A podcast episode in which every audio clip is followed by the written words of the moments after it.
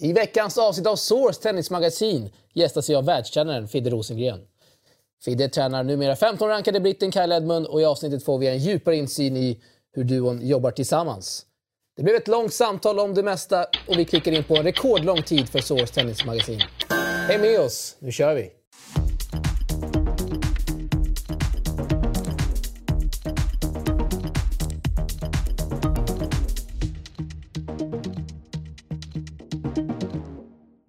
Ska ni vara då till Source Tennismagasin, programmet där vi diskuterar tennis. Och idag har vi en uh, mycket fin gäst här i form av uh, Fidde Rosengren. Välkommen! Tack så hjärtligt. Tack. Hur, hur är läget med dig? Det är precis så bra som helst. Det är hemma i höstrusket. Men det, nej, det är perfekt. Det är skönt att vara hemma lite och, och varva ner. Influgen här uh, idag också. Ja, det är så kul att flyga. Vad har du gjort under dagen här i Stockholm? Jag har varit ute och träffat min eh, gamla adept Magnus Norman på den fantastiskt fina anläggningen Good to Great och, och träffade eh, Micke Tillström och Niklas Kulti och gänget där ute och eh, fick en genomgång av hallen. Och, eh, nej, det är makalöst att vi har en sån fin anläggning i, i Sverige och det otroliga arbete de, de gör där. Verkligen. Ja, kul att se. Väldigt kul att se. Håller med dig och vi ska välkomna Patrik Ragan också. En Tack. stående gäst här i Source. Hur är läget med dig? Det är jättebra också, eh, tycker jag. Förutom vädret då. Men det, på tennisfronten är det jättekul. Jag lever fortfarande lite grann i den här Federer-Djokovic-euforin efter den matchen. Jag var så glad att Federer fortfarande håller så pass bra klass som att spela ett avgörande set tiebreak mot Djokovic i den formen han var i. Så att jag hoppas att det kan ge honom styrka och, och fortsätta spela och kämpa. Ja, riktigt rolig match. Såg du någonting av den? Nej, tyvärr inte. inte? Men, men, nej, jag gjorde inte det annars. Jag, du ser så mycket tennis ändå. Nej, men jag tittar, jag tittar på tennis när hemma också givetvis. Jag såg, eh, jag såg finalen och, och sen är det ju lite, lite häftigt det där att, att de...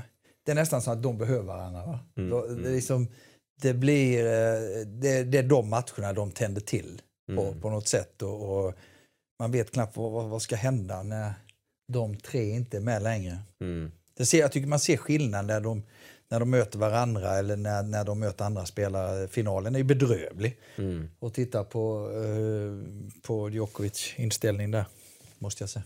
Vad har du att säga om Kachanovs eh om hans resultat i matchen och hans insats i hela turneringen? Nej, men det, alltså, det har varit en tidsfråga med honom, eh, tycker jag, rätt länge. Eh, han har det mesta eh, i sig. Och, och, så att jag, jag är inte så där grymt förvånad.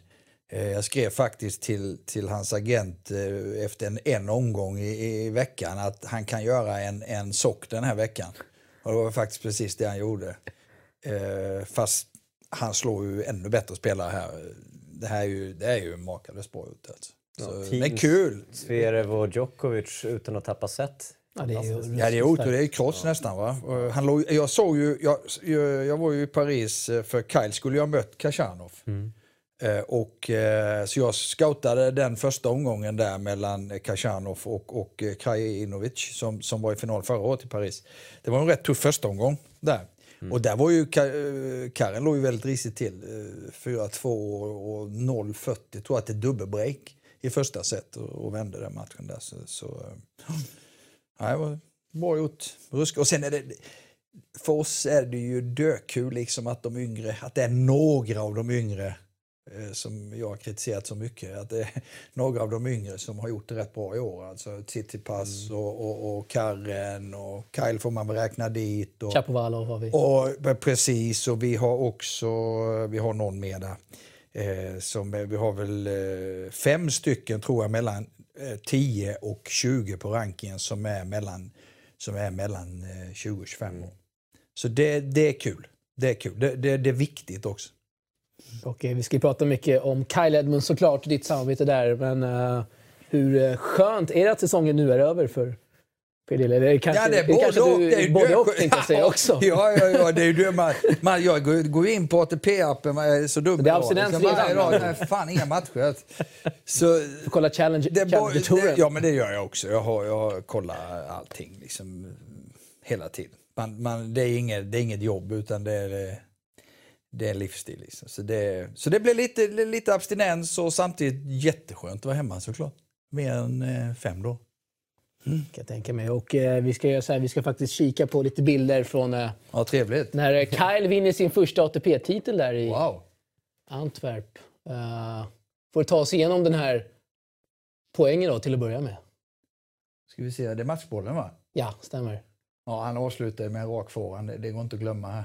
Mm. Och det roliga, det är, ja, det är fantastiska scener, men eh, det roliga är att matchbollen mot eh, Gasquet dagen innan är precis likadan. Alltså han avslutar med en Mm. rak forehand där också. Så, eh, ja, kul. Kan du beskriva känslorna här när du, när du ser dig själv och Kyle framför allt? Ja, när jag mycket betyder det här? När jag ser mig själv är det inte så roligt, men, men det är fantastiskt roligt att se Kyle och, och vad detta betydde för honom. Ni ser här snart om en stund när han... Där kommer vågen också. Ja, men när han går ner mot oss här så slår han sig... Det släpper där och sen släpper det och sen blir han jätteledsen. Då förstår man hur mycket det här betydde för honom. För att, jag menar, han har legat topp 20, topp 15 rätt länge och så har han sett spelare som han kanske själv tycker han är bättre under året som, som vinner titlar eh, och han själv har inte vunnit någon. Eh, Och det är klart att det sätter sig i huvudet. Så jag tror att, eh, eller jag vet att detta betydde extremt mycket för honom såklart. Mycket som släppte från honom där. Ja, absolut. Eh, Det har, det har varit så otroligt mycket grejer under året som har varit första gången för honom. Så det har ju naturligtvis, det som hände i Melbourne och, och fram till nu, det, det liksom, jag, kan, jag kan stapla upp 20 grejer som, som har varit nya för honom. Eh, Så det är naturligtvis mycket, mycket känslor och mycket som han ska hantera. Som, eh, du vet, ligger du 50 i världen, det är knappt någon som bryr sig. Eh, och då blir det skillnad när, framförallt etta i England kanske nästan är det största Mm. mm, på något sätt. Mycket, Som han ska hantera. ja. Mm. Hur mycket märker du av trycket från ja, men hemma i England? Hur mycket... Nej, men det är nog mest på Kyle egentligen. Så, press ja, vi pratar ju mycket om det där med, med hur mycket press han känner givetvis utifrån och, och, och, och eh, hur viktigt det är att han spelar för sig själv ändå. Va? Att, att man inte varken går och tränar för någon annan eller alltså han måste måste försöka koppla bort allt annat än sig själv. Alltså det, det är otroligt viktigt eh, vad, vad man än gör i en individuell idrott. Att man, att man vet att man gör det för sin egen del. Och eh, ser vi en eh, ganska cool bild där eh, inför Sverige-England va? Ja. Men det här det är, det är typiskt sån här mediagrej som Vi har ju snackat om det. Att det var- ingen av oss egentligen tycker är särskilt rolig kanske. Men, men som det, blir, och i och med sociala medier med så kommer såna här grejer från agenter att, att det där ska de göra liksom. För, ja, det, är häftigt. det blir många, vad heter det, klick? Likes. Likes. det Jag tycker det du- där, är, det där är ju roligt tycker jag för fans att se och man följer Jo. lite dit och du bjuder på dig själv. Det var inget du vill göra, alltså ta på dig tröjan och... Nej, men alltså, det, det, här. det här, nu, nu så säger jag emot mig själv, för det här gör jag ju för någon annans skull. Mm. Eh, faktiskt. Eh, det blir så. Eh, jag Man sätter ju aldrig på sig en Adidas-tröja frivilligt. Nej, men jag har, nej, det gör man ju inte heller. nej, men jag har så svårt att, och jag har ju så svårt att sätta mig in i den rollen att, att andra tycker det här är roligt och coolt. Det är precis som att se på sån här spextennis och, och sånt där. Liksom. Ja, man har, det är skitsvårt att, att, att förstå att det är så roligt. Jag lever ju med det här hela dagarna. Liksom. Mm. Om vi backar bandet då till Australian Open där. Fantastisk turnering för, för Kyle. Vad, vad kan du säga om det och den, den starten på året det gav? Här ser vi fina bilder också. Ja, eh, det är mycket känslor där givetvis. Det var en sån här eh, Hawkeye där på slutet, matchboll va? mot Dimitrov är detta. I kvarten ja. Ja, Just precis. just. Men, men eh, eh, alltså, det är så många som pratar om Melbourne och, och vad han gjorde i Melbourne. Det var jäkligt bra i Brisbane. Man glömmer bort lite Brisbane. Jag tror att Brisbane var det som gjorde att han att det gick så bra här. För det första, eh, han, han slog både Chung och eh, Shapovalov eh, i två kanonmatcher i tre set i första och andra omgången i, i, i Brisbane. Och sen gör han en jäkla bra match mot, mot eh, Dimitrov där jag tror han, han kände att när han gick in i, i kvarten i Melbourne så hjälpte det ju naturligtvis att han hade varit så nära i, eh, i Brisbane. Mm. Det är jag helt övertygad om. Så han gick nog in i den här matchen och kände att jag har nog rätt bra chans faktiskt. Jag ser resultat från den första halvan av säsongen. Vad kan du Oj. säga om den lite kort här? Man drabblar upp varje match, men... Eh, Nej, men alltså, han har ju, alltså, det har ju varit som Balder på Liseberg på något sätt eh, det här året. Eh, med, med jag kommer ihåg när vi låg i, om, eller låg i omklädningsrummet, gjorde vi inte, men Kai låg i omklädningsrummet. och jag kom in förra året i Paris när han hade haft 5-1 på sock i tredje set. Jag vet inte om ni kommer ihåg det. Och, och, han fick stryk och han satt, han kom aldrig ner.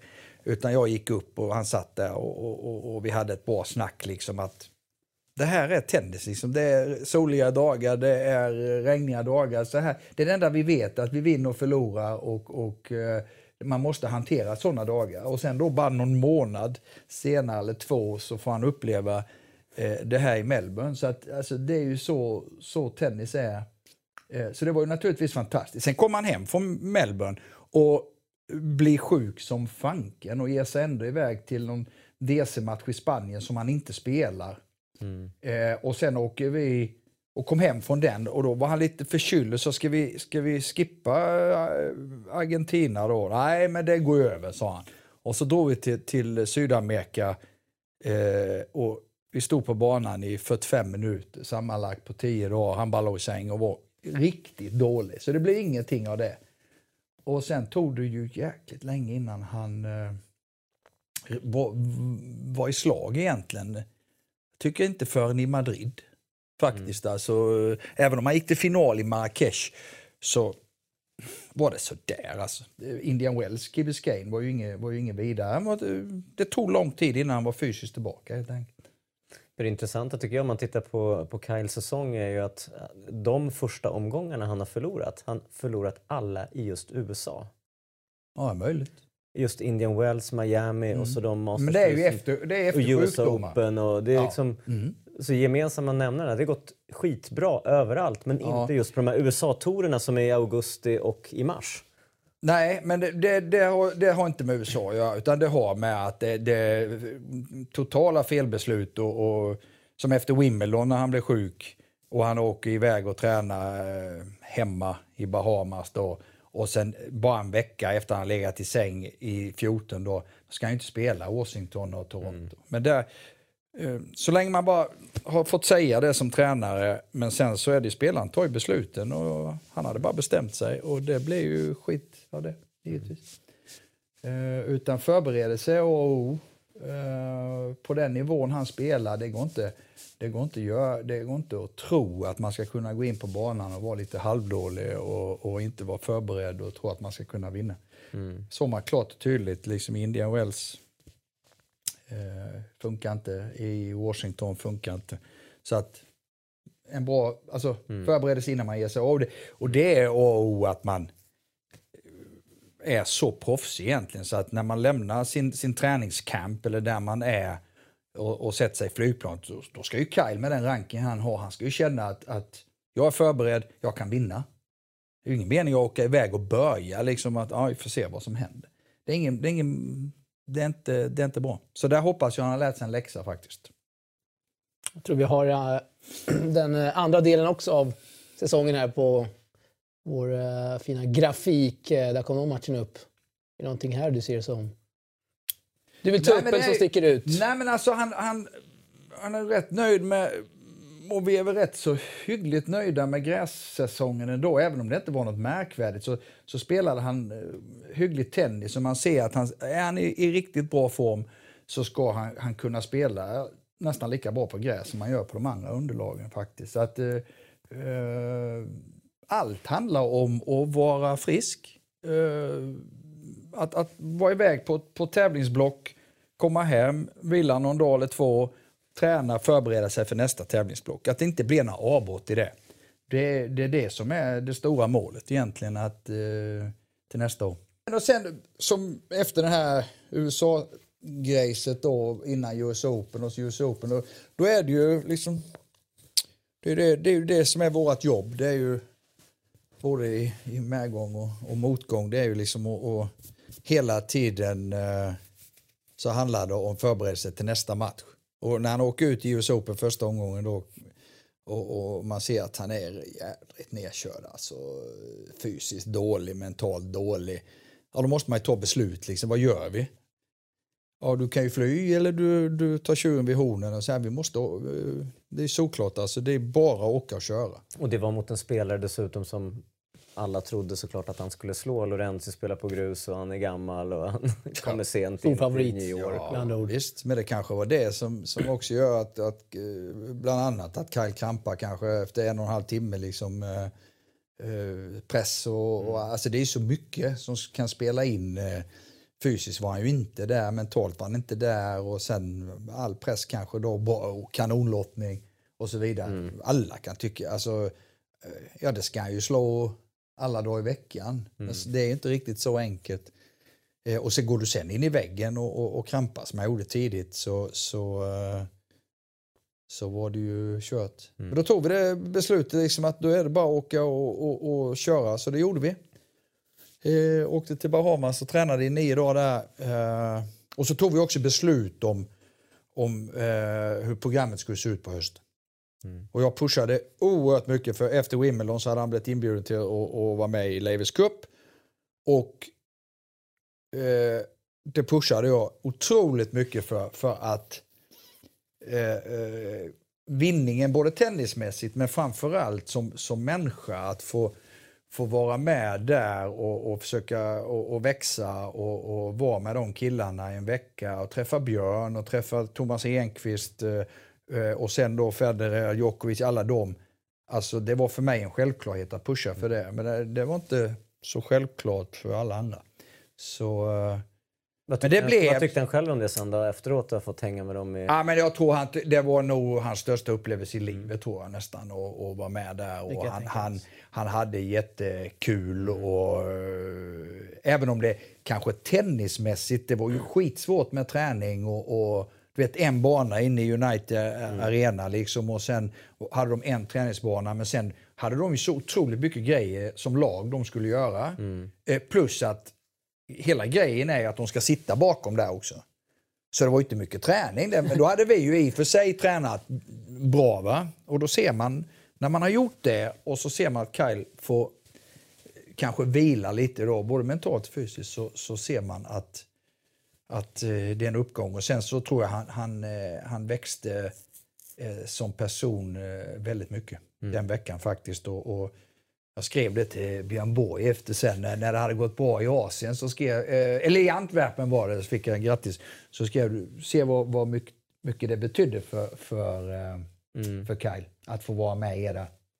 Det verkar ju väldigt emotionellt. Jag har inte sett spelarna visa så mycket känslor egentligen så i Levi Cup som de... Det är ju Davis Cup bara man kan jämföra de känslorna som kommer ut där. Det är ju fantastiskt att se även om, om det, det spekuleras lite grann att de, om det är hittepå eller inte. Och, men oavsett så är det ju kul. Även om det var är det ett som- spel. Man ser att de pushar varandra. och det är- Ja, och det var det som förvånade mig så mycket Ja. faktiskt och gjorde mig så glad faktiskt hur mycket, hur mycket tävlingen betydde för Federer, Djokovic, eh, Zverev, alla de. Det var ju enorm lagsammanhållning och enormt viktigt att vinna alltså. Eh, jag har ju hur många filmer och, och, och bilder som helst i min, i min mobil givetvis från omklädningsrummet och så här. Va? Alltså, Skicka in sen. Nej, det gör jag inte. Det går, de går inte att visa. Nej, men alltså fantastiskt. Alltså, när, när Federer hade vunnit där mot Isner med matchboll sig, när han var med den där returen. Så, liksom, och, och alla stod så här och darrade när han kom inspringande. Du vet, och, och, och, nej, men det var otroliga scener, så det var... Det var, var, var häftigt. Och de, eh, nej men de ville verkligen tvåla till USA. Alltså. Vi har en gif Eller där resten när, av världen är det ju. Resten- när eh, Edmund går bananas. Ja, ja, Har- ja, Den här har du sett, tror jag. Ja, den har jag nog sett. Jo, men den har jag sett. Den, ja. Ja, Det här var ju många på Twitter som blev lite förvånade över att eh, Edmund som är den här lite mer, kanske lite mer blyga, att han gör Jo, jo, men Men det, det- vi- visar ändå på det du är inne på, att han ändå... Alex, det är det vi har, har liksom... Det började vi med redan förra året det här med att, att våga visa känslor. Och, och, och det är ju heller ingenting som man håller på att jobba med för att Nej. det ska vara ballt utan det jobbar man med för att man tror att det ska hjälpa hans tennis. Att han, att, han, att han växer på banan genom att ta banan. Jag kommer ihåg när han spelade kvartsfinalen mot Dimitrov i Melbourne och vi pratade om, han hade gått in på arenan matcherna innan liksom med kepsen och så tittat rätt ner i marken. Att nu är det dags att och, och, upp med blicken och när de säger ditt namn och du tar steget ut där, då ska du titta dig omkring och du ska vinka för de klappar åt dig och du ska ta banan, du ska ta arenan, stagen och det här. Mm. Och när han gjorde det i den matchen mot, mot Dimitrov eh, så kommer jag ihåg att jag sa till, till hans fystränare liksom att för mig har han vunnit idag. Spelar mm. ingen roll hur det går. Han lyssnade på det och han njöt av atmosfären. Han tog in atmosfären. Det betydde otroligt mycket för mig att se att han gjorde det. Sen att äh, han gick och vann, det var givetvis inte på grund av det. Men det är så viktigt att, ta, att kunna njuta av resan också på något sätt. Och, och han behöver öppna upp de sinnena. Eh, Kyle. Så, så många grejer här under, under året som, som har varit viktiga för honom som person. Jag kan berätta en episod i, i Monte Carlo när eh, de, vi har alltid en sån här kabaré under tävlingen. Det har funnits i, i ah, så länge jag minns, alltså 25-30 år. Där spelarna och tränarna gör sketcher om varandra och så här. Och det är inga, ingen media får komma in, inga andra, det är bara vi där. Och eh, eh, har varit hur kul som helst genom åren. Svenskarna har varit galna där och gjort ballongdans och såna grejer. Men då frågade eh, den tjejen som håller i det här om Kyle ville hjälpa henne på scen att hålla i, i, i hela showen. Mm. Och jag sa, jag ska bara göra min del så jag ska fråga Kyle, men räkna inte med det. Finns inte en chans. Och eh, vi höll på där och bearbetade detta liksom. Och så, nej, nej, det vill jag inte. Så. Till slut så gjorde han det. Och det kanske är den största segern under hela 2018 faktiskt, att han gick upp på scen. Han presenterade varenda nummer. Eh, och jag har aldrig sett han lyckligare och gladare än efter det faktiskt. Häftigt. Ja, att han vann en, en, en ATP betyder mycket så, men, men det var otroligt viktigt för honom som människa. Och det, tänk om han inte hade gått upp där. Nu gjorde han det, växte enormt mycket. Mm. Det handlar om det också. Det handlar om att bygga både spelare och personer. Mm. Fantastisk story. Uh, vi ska gå över till något lite tråkigare, tyvärr. Vi ska prata om uh, Davis Cup och det nya mm. formatet. Det har vi gjort ganska mycket här i programmet. Men I senaste numret av Tennismagasinet, Svenska Tennismagasinet intervjuades du. Uh, och du sa bland annat att första impulsen var att Svenska Tennisförbundet har sålt sin själ för att det handlar om pengar eh, i och med att de har, de har röstat ja för det nya formatet. Ja. Eh, där ser vi också Gerard Piqué, en av ja, männen bakom eh, de som sponsrar det nya mm. formatet. Eh, först och främst om citatet här. själv till en fotbollsspelare. Nej då. Alltså, nej, men det, är ju, det var ju bara en sån här reaktion. Man, man, jag tror alla gamla tennisspelare och tennisledare i Sverige som har vuxit upp med Davis Cup och man har spelat Davis Cup mot väggen som tioåring. Alltså man, man har ju levt med Davis Cup i hela ens liv och, och jag har ju fått äran att vara kapten också. Så, där, så det, det, blir liksom bara nej, ska det här tas bort? Ska, man inte, ska inte den nästa generationer få, få uppleva vad vi har fått uppleva? Liksom? Det var ju den känslan man hade och det är möjligt att jag är jättekonservativ eh, och sådär. Men det får gärna komma med nyheter och så och, och, och, ändra saker och ting, men inte bara för ändrandets skull. Eh, och jag har inte hört något positivt. Jag har inte hört en spelare som är glad för att eh, det har blivit, ska bli en ny Davis Cup-era. jag har inte hört något positivt överhuvudtaget. Så det, det får gärna någon berätta för mig eh, vad, det, vad det positiva är och ska vara. Och så säger de Eh, bullshit, skitsnack, ITF, att, att eh, vi har fått med oss Federer, Djokovic och, och det här. Aldrig i livet. Nej, I november ska de spela då. Sverige var redan sagt ja, att han lycka, inte kommer spela. Lycka till, ja. säger jag bara, att få dem det här. Kyle fick ett... Eh, kanske inte ska sitta och avslöja här, men, men, men det har kanske inte med Davis Cup att göra. Men Kyle fick en mail från Djokovic förra veckan. Eh, de har ju också, ITF har ju regler att man måste spela två Davis Cup-matcher samma år som OS är för att kunna få representera sitt land i OS. Och eh, där vill han ju då att spelarna ska bojkotta. Eh, och, och, och, det visar ju att han, han har ingen lust att spela Davis Cup mm. för att få representera Nej, sitt land i, i OS. Och, och, och liksom, vad, vad är det? Och då, då, då, är det ju bara för pengarna. Och givetvis för de spelare som... Jag, menar, titta, jag tycker det är precis lika roligt att titta på Sverige i en Davis Cup-match idag. Därför att man vill att Sverige ska vinna så mycket. Så jag, man tittar ju på eh, Marcus och Robban och, och, och Micke och, och, dem och, och, tycker det är hur kul som helst. För att det är landskamp och det är Davis Cup. Så att det, det, det är liksom själen Davis Cup. Bara, eh, ja. Nej, det återstår att se. Man, man, visst, ge dem en chans. Men jag, jag har ju svårt att se att Nadal och Federer och de här kommer spela Davis Cup i november. Den här veckan. Det har jag otroligt svårt att se. Men för de som kommer dit och tävlar blir säkert mm. en, en stor grej givetvis. Men för mig har ju det, alltså, är Davis Cup i graven. Sverige röstade ja till det här som jag sa. Vad, ja, vad och jag, jo, men, ja, det har, jag, jag vill egentligen, det vill jag egentligen inte lägga för de har säkert skäl till att rösta ja till det här.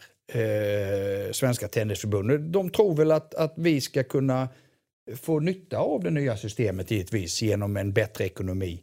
Så det, det får stå för dem. Utan det var mer det här, fasen det blir ingen Davis Cup mer som det har varit. Eh, det tycker jag är hur, precis hur tråkigt som helst och det tror jag att, att de flesta lite äldre håller med om. Jag tror att vi som älskar sporten, vi Absolut. snackade om det i ett annat avsnitt av Source också, är vi väldigt överens i det, det Fidde säger här också. Det kommer ju ta udden ur, definitivt. Ja. Det här är supertråkigt. Det går ju inte att skapa den här stämningen som det finns på borta hemmamatcher i och med att det här, det här kommer ju spelas på en neutral plats då i ja, Madrid nästa år tror jag. Och, och, och, visst, det är några fans åker väl dit kanske från varje land, men då har du då har du någon, någon, någon, match, Sverige kanske spelar där på den banan, spelar Spanien där borta eller hur det nu kommer vara. Va? Alltså, det är rätt svårt att se att det ska mm. kunna bli någon, någon riktig succé kanske. Mm. Ja, får se. Vi får helt enkelt se. Ja, det är absolut. Och man ska ju ge alla nyheter en, en, en chans såklart. Men det, just nu är det lite för mycket dåliga grejer som händer eh, mellan ATP och ITF. Liksom. Det känns som att det är ett maktspel där bara istället för att eh, att eh, hjälpas åt och göra, bygga sporten. Eh, tror vi behöver göra det. Men, Men vi är inne i en farlig period nu med, med, med, med Roger och, och, och Nåle och, och, Nadal som, som kanske inom två, tre år inte finns med i, mm. eh, så, så eh, det gäller att vi har bra grejer när, när den eran är över alltså. mycket har tränare och spelare insyn i det här? Hur mycket kan man påverka? Sådana här beslut och Nej, men som jag, som alltså jag, jag pratade ju med vissa svenska spelare. Det var ju ingen från förbundet som hade frågat dem vad de tyckte. Eh, engelska förbundet frågade Kyle och dem vad de tyckte och sådär. Men sen kanske de inte röstade som spelarna tyckte. Men det är ju en annan sak. De har ju som sagt var säkert eh, de vet varför de röstar si eller så. Sen tycker jag det är konstigt, går det ju rumors liksom runt om i tennisvärlden att, att att det är ingen som vet egentligen hur resultatet har varit. Därför att det, de gör ju inte resultat offentligt Nej. Eh, heller. Och, och nej, det, går, det går mycket, mycket snack om det. Eh, så vi får helt enkelt se vad det blir av det. Att representera sitt land måste ju ändå, alltså oavsett på något sätt så måste det ju ändå vara stort. Det ska det vara i alla fall. Jag håller helt med dig. Vi får enkelt se hur det blir. Vi ska gå vidare i programmet och eh, prata om vår huvudsponsor det är Vega som har två kampanjer där ni får ert 50 spel gratis på tennis gäller året ut och sätter ni in 100 kronor så får ni 600 kronor att spela för eh, från Leo Vegas. Nu ska vi vidare till Svenskkollen. Kommer här.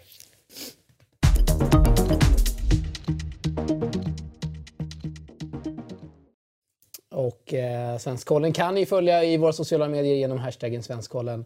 Och eh, får ni se hur det går för svenskar ute på touren. Och det ska vi göra nu. Vi har lite resultat här från eh, de senaste dagarna eh, bland svenskarna som är ute och tävlar. Och ser vi bland annat Mikael Ymer kvalar där i Knoxville, fortsätter spela. Eh, hur mycket följer du jag vet att du har ju den här appen Resultina. det har vi snackat om. Men är det så att du, det plingar upp på mobilen och du kollar sådär? Oh, ja, du följer hela, hela allting. allting. allting. Och sen har jag mycket kontakt med, Marcus Eriksson till exempel varje vecka. Ni snackar alltså via... Ja, text WhatsApp och- eller så pratar vi. Och, ja, har mycket, mycket kontakt så jag följer alla svenskar egentligen eh, hela tiden. Ja. Och gläds med framgångar. Och... Så Det är roligt. Så att Marcus här vinner en eh, ITF i 25 i dubbel. Ja. Fortsätter göra bra i dubbeln. Ja, hur kul som helst. Och pratade om det idag innan här. eh, Liksom, tagit över lite Johan Brunströms roll där med, med Robban och att Robban kom tillbaka till DS-laget och spelade och gjort det så bra, vunnit bra dubbla. Eh, det är fantastiskt roligt. Eh, ja, nej, det är kul. Det är grymt. Vilken kämpe det är. Mm. Är det någonting du ser här Ragan som du vill ta upp? Jag, jag tycker att eh, fantastiskt den här eh, dels trippen till, eh, till Vietnam som de gör, eh, som vi även snackade om i förra programmet. Jag tycker det är så kul att se att svenskarna gör det här tillsammans. Det, det, det är liksom efterfrågat mer att göra just de här längre resorna ihop så att man kan ha kul, man tränar ihop och man stöttar varandra i ett team. Och här har de ju varit ett, ett gäng på fyra, fem grabbar som har åkt och, och jag menar Filip Berge, vi har varit i semif- gick till semifinal i singel i båda de här tävlingarna i Vietnam och Mackan gick till final i båda och vann en av dem. Så att det liksom, kanske inte lyckats i singelspelet riktigt Mackan men just att få med sig de här dubbelpoängerna och jag hoppas att han och André Göransson kan spela lite mer challengers eh, nästa år. Båda är ju rankade mellan 200 och 250 dubbel och kommer in i många challengers. Så att, eh, som jag snackat om tidigare, man hoppas att de kanske kan få satsa på en dubbelkarriär också, och inte bara singel och på, på så sätt bygga upp lite ekonomi. Så att, eh, nej, positivt bara. Så att Marina Judanov spelar en 25 där i Storbritannien. eh, Fortsätter att göra fina resultat. Vi har en till eh, sån här slider vi ska kika på. Lite röda, eller bara röda resultat där tyvärr. Lite tråkigt att se. Ja, det är det. Mm. Men eh, Det är ju det man tittar på först, den här färgen som kommer upp. Alltså. Titta, rött, var ingen rolig sida här. Men ja. fortsätter se Niklas Johansson i alla fall Ja. slå rekord i att åka till eh, vad ska man säga, obskyra ställen eller? vad är det nu? Ku- eh, Kuwait? Den är Kuwait, den här veckan är en Mosambik. Eh, Han det- gick ju det- till kvartsfinal i Guam tidigare i år. Det är mycket, Ja, många olika världsdelar. det är många olika världsdelar. Mm. Eh, är det. Det gäller att hitta de här lätta futurerna. Och, Ja, jag håller inte med där riktigt. Men, men nej, det gör jag inte. Det finns liksom? Nej, det, du måste... Du måste Det finns inga lätta turneringar. Jo, men det finns ingen anledning att, att, att, få, att få poäng på posten liksom det, eller i ett cornflakespaket. Det, det är viktigare att... att Verkligheten eh, kommer ikapp en någon gång eller? Va? Verkligheten kommer ikapp med lite grann. Ja, alltså ten- nivån på sin tennis är ju, är ju mycket viktigare än att åka någonstans bara för att det är låg nivå att få ett ATP-poäng. Liksom. Så, så jag, jag vet inte riktigt om man ska söka, söka de, eh, de ställena. Om du hade haft en eh, spelare på ITF så hade du inte Nej, sagt åkte till Kuwait för den här träffningen. jag åkte ju mycket på det här. Jag har ju varit på hur mycket som helst runt på de här när, vi, när jag jobbade i förbundet och vi, vi, vi hade det som du sa att vi gjorde resor ihop. Många svenskar med ledare och så och spelade och tränade. Eh, Jag har ju varit runt jättemycket på Future och Challenge. Mm. Så, och, och då ska man liksom inte fly. Det går liksom inte fly kvaliteten. Liksom. Mm. Ni gjorde tuffa tävlingar i Florida bland annat minns jag. Ja, det var tuffa. Det De var, är- men, men det var, vi var ju på en nivå så det var ju tufft var det än var. Liksom, men, men eh, just det här du säger, det är ju en otrolig fördel. Och svenska eh, trivs ju väldigt bra med att vara ett gäng och ha ledare och träna ihop. Mm. Det, det, det funkar bra. Hur stor kollar du på Transition Tour som införs nästa år? Ja, vi får se hur det blir också givetvis. Men vad som man kan säga om, om eh, nästa år här så är det ju roligt ändå, om vi tittar på de svenska spelarna, att eh, det är ju, nu kan inte jag årtalen, men det måste ju vara jättelänge sedan vi har två svenska juniorer i en huvudtävling i, i Grand Slam som vi har eh, eh, Kajsa Henneman och eh, Gustav Ström. Eh, båda huvudtävlingar i Australien eh, jättelänge sedan.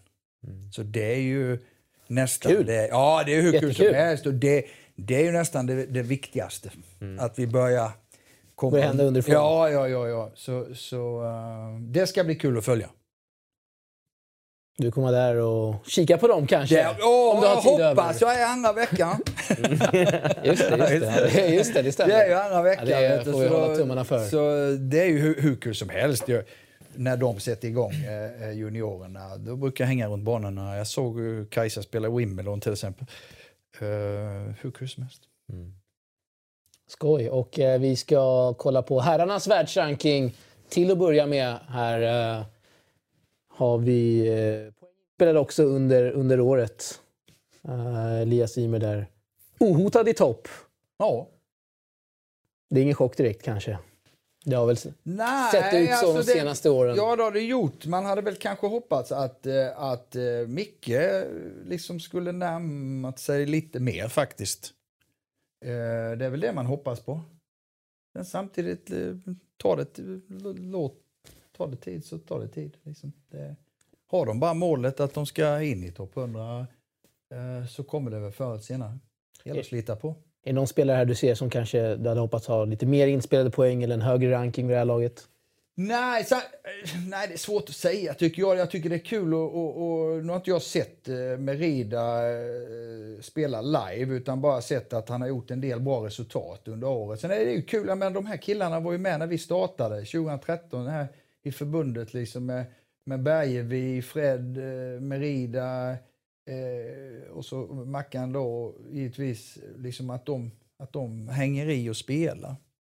Eh, är ju kul. Sen vill man ju som sagt då att, att de yngre. Mm. Det var ju roligt här under året när Carl Friberg tog sin första eh, Future-titel till exempel. Mm. Eh, det är sånt man det var på tiden. Liksom. Söderlund där var ju igång, gick till semi Båstad Challenger där, vann sen i huvudturneringen där i Swedish Open. Mm. Men eh, college nu och... Eh... Jo men visst, alltså, det, han är inte ensam i världen om, om, om, den resan liksom. Utan det är ju, du måste ju ta beslut någon gång. Vad vill du, vad vill du med det här? Så det, det, vi kan sitta och tycka det är hur synd som helst. Och Karl kanske, eller Kalle, tycker att eh, hans tennisliv är perfekt. Eh, gå på college, spela tennis. Men, men men inte på världsnivå. Så att det, det är ju... Mm.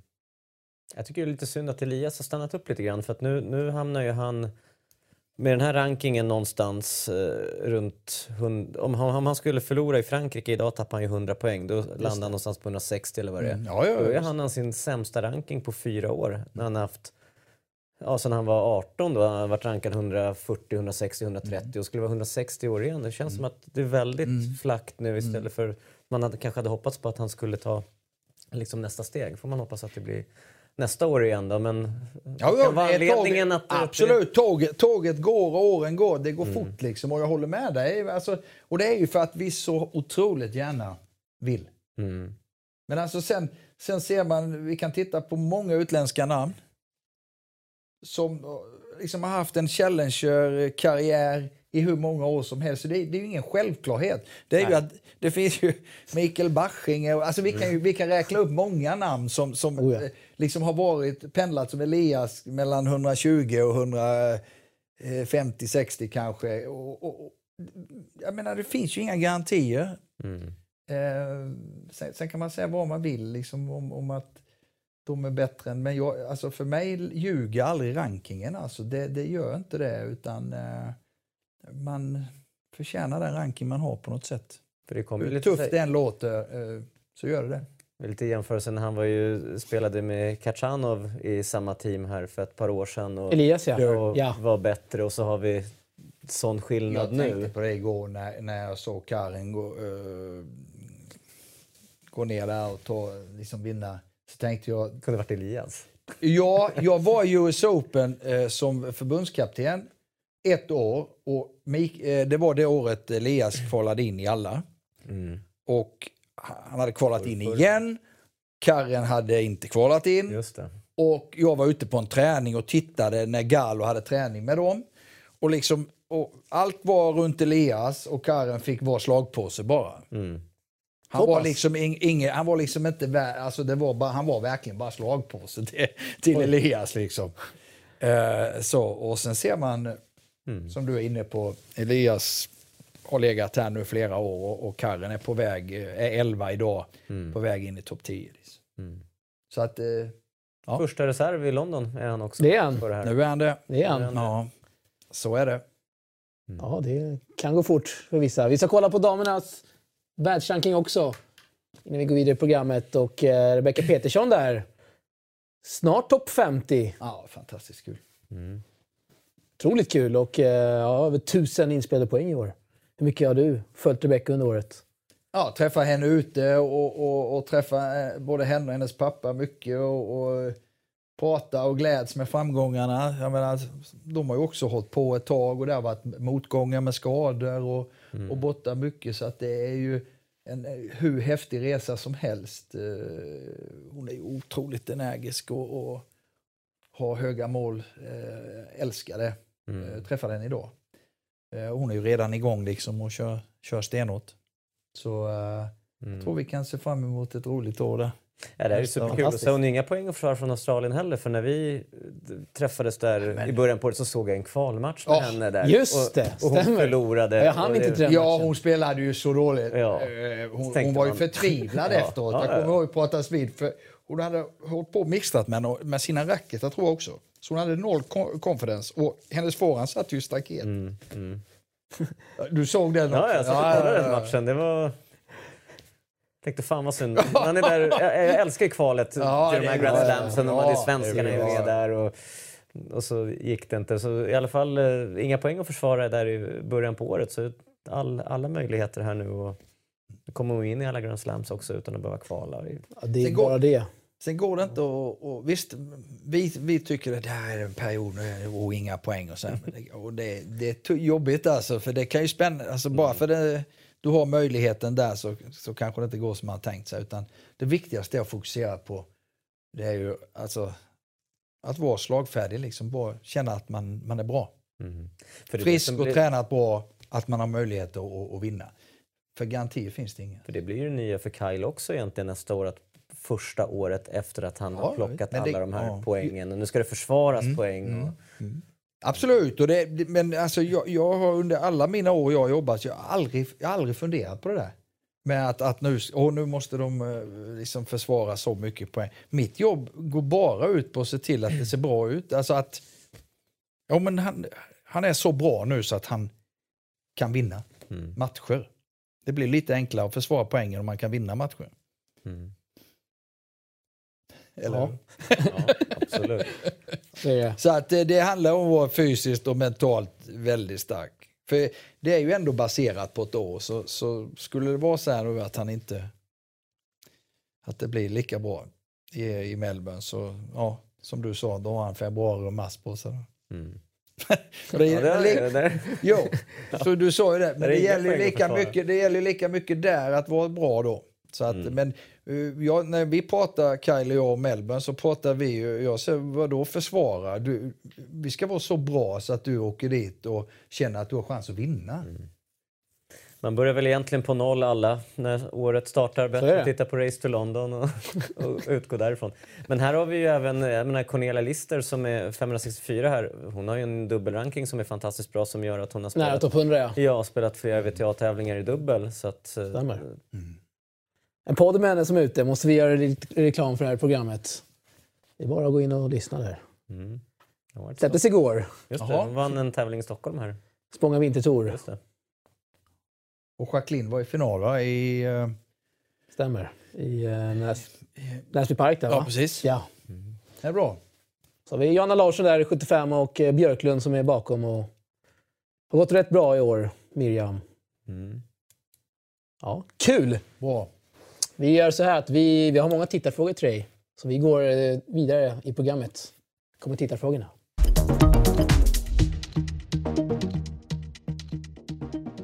De svarar jag alltid på. Eh, vi har en... Eh, Anonyma frågor. inte på anonyma frågor. Vi har en anonym här som nummer ett. Oj. Ska vi gå vidare från den direkt eller ska kan jag Ja, jag tar den så får jag se om jag svarar. Eh, lyder så här. Jag gillar inte anonyma alltså. Nej, Bl- Inte när, de inte, faktiskt. när de inte vågar skriva under med sina, alltså när man inte vågar stå för saker och ting. Men det, det här kanske inte är så Ja, farligt. det, då hade jag inte Nej, nej. tillåtit. Men hur som helst, här kommer den. Om du var allsmäktig chef över svensk tennis, Oj. eh, hur skulle du göra för att se till att vi blir bra igen i tennis? Nej, det är den svåraste frågan. Jag har försökt i, i fyra år och, och göra det så bra som möjligt. Uh, det är svår vi fråga. Behöver, ja, det, vi det... behöver ju otroligt många, många timmar och sitta och diskutera det. Alltså, det handlar ju om att tillbaka i, i, i klubbar och intresse hos barn och gympa i skolan. Och, och, alltså det är ju så många, många faktorer som, som måste spela in. Och att hitta de där ungarna och kanske föräldrarna som, som uh, har tålamodet uh, att åka med en tenniskarriär. För det är, det är många timmar ute i hallar och, och på banan. Och, ja, det är jätte, jättesvårt att svara på. Få rätt, ja. få rätt atleter till, till tennisen. Det är väl nästan den svåraste. Att få dem till att fastna för tennis. Att bli, att bli så...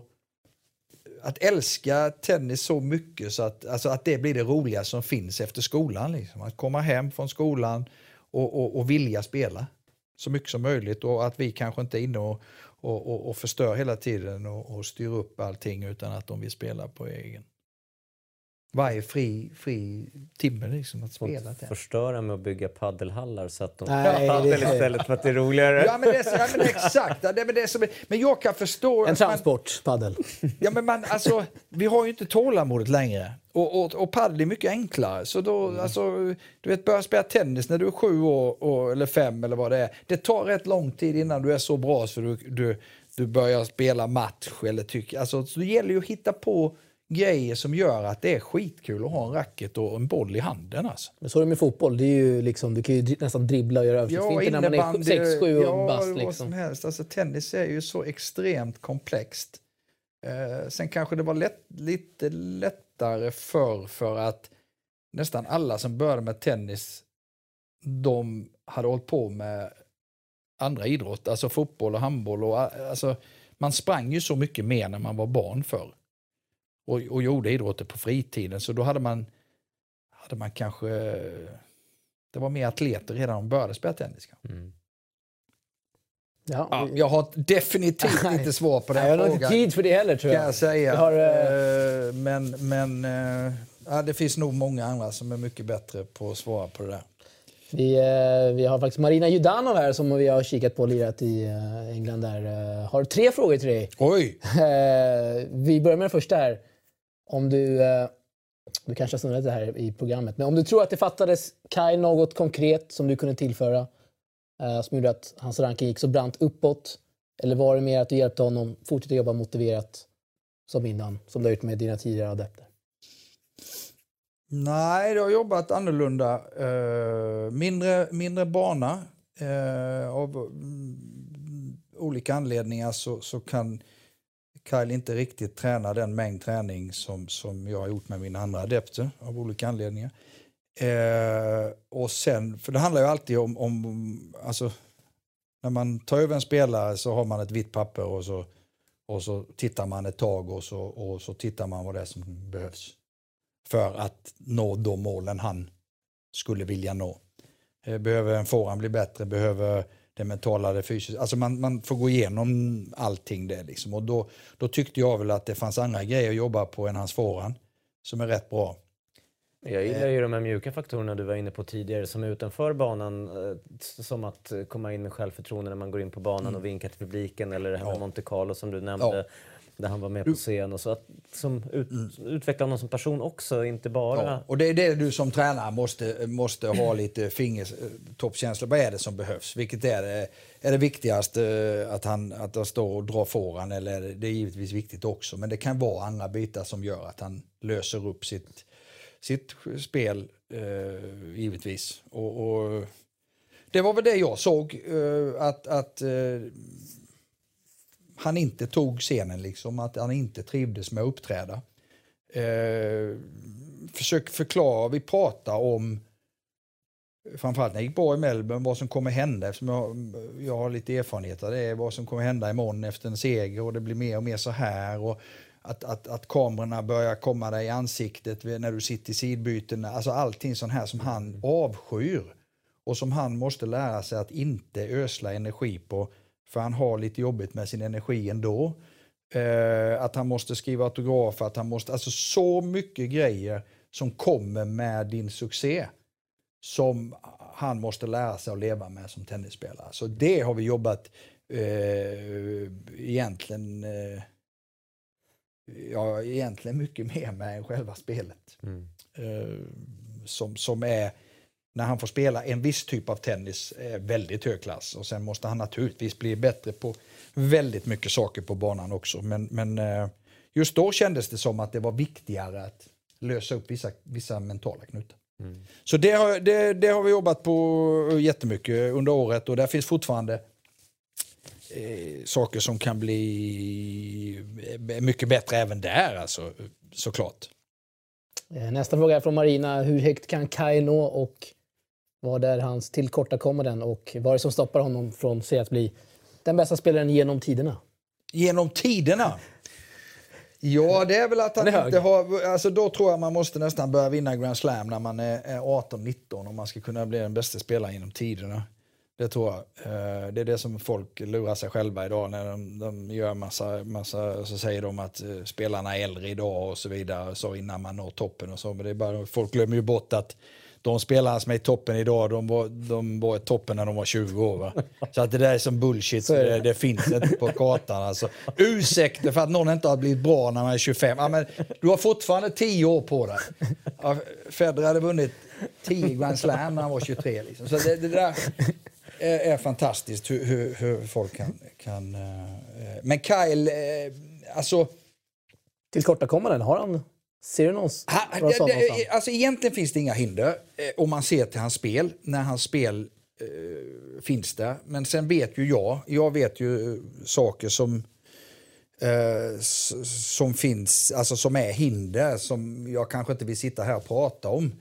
Eh, eh, som gör att, att han kanske inte blir den bästa tennisspelaren genom, genom tiderna. Men, men som tränare så tror jag givetvis att han ska kunna Eh, helt klart har han förutsättningar att vara topp fem i världen tycker jag. Och, och det, det, det resonemanget eh, säger jag för att för det första så tror jag att Kaj kan bli bättre. Och för det andra så kommer snart de bästa spelarna att försvinna, de äldre. De kommer försvinna. Och då tror vi, pratar mycket om det här Kaj och jag, om man ser sig själv som, eh, om man tittar, många pratar om Sverige va? Eh, nu kommer Tsitsipas här och så Karren då kommer upp. Eh, är, känner du Kajla att du också har den möjligheten lika mycket som dem att vara med där uppe när de har försvunnit? Och, och det gör han faktiskt. Mm. Eh, och det är väldigt viktigt för mig som tränare att höra. Att han tror att han kan vara med där. Sen är det min uppgift att tala om för honom vad han måste göra för att det verkligen ska hända. Mm. Eh, men det är viktigt att han har de drömmarna och att han tror på det eh, när vi jobbar. Eh, och det tror jag absolut också att han har lika mycket förutsättningar än de namn jag räknade upp. kommer säkert några fler namn sen. Men vi har rätt många alltså, äldre där uppe fortfarande och de kommer ju naturligtvis att, att lämna arenan snart. Och då öppnar ju, alltså det finns ju ingen som kan mäta sig med den generationen. Det är ju ingen som är så bra, de är inte i närheten. Men Nej. vi kommer ju alltid ha en världsetta, en världstvåa och så vidare. Och, och det är frågan, vem blir det då om tre år, fyra år? Och varför inte Carl Edmund? Mm. Eh, det tror jag. Definitivt tror jag på det. Vi väntar vi har en spännande tid framför oss med andra ord. Eh, ny anonym fråga här. Aha, okay. Eh, den sista anonyma frågan kan jag säga. Ser du dig själv träna en svensk spelare i framtiden? Mm, nej, det tror jag inte. För det första börjar jag bli lite till åren och det lär väl dröja lite kanske innan, innan vi har en svensk världsstjärna eh, igen. Även om man hoppas på Elias och, och Micke. Men eh, eh, nej, jag tror nog att det vore väl för det första så vore det bra att de svenska yngre tränarna tar över eh, någon gång. Eh, nah.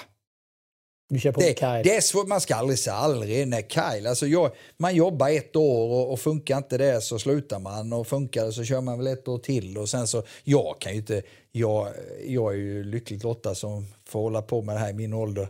Jag kan inte ta något för givet liksom att, att min tränarkarriär eh, bara fortsätter, det går ju inte.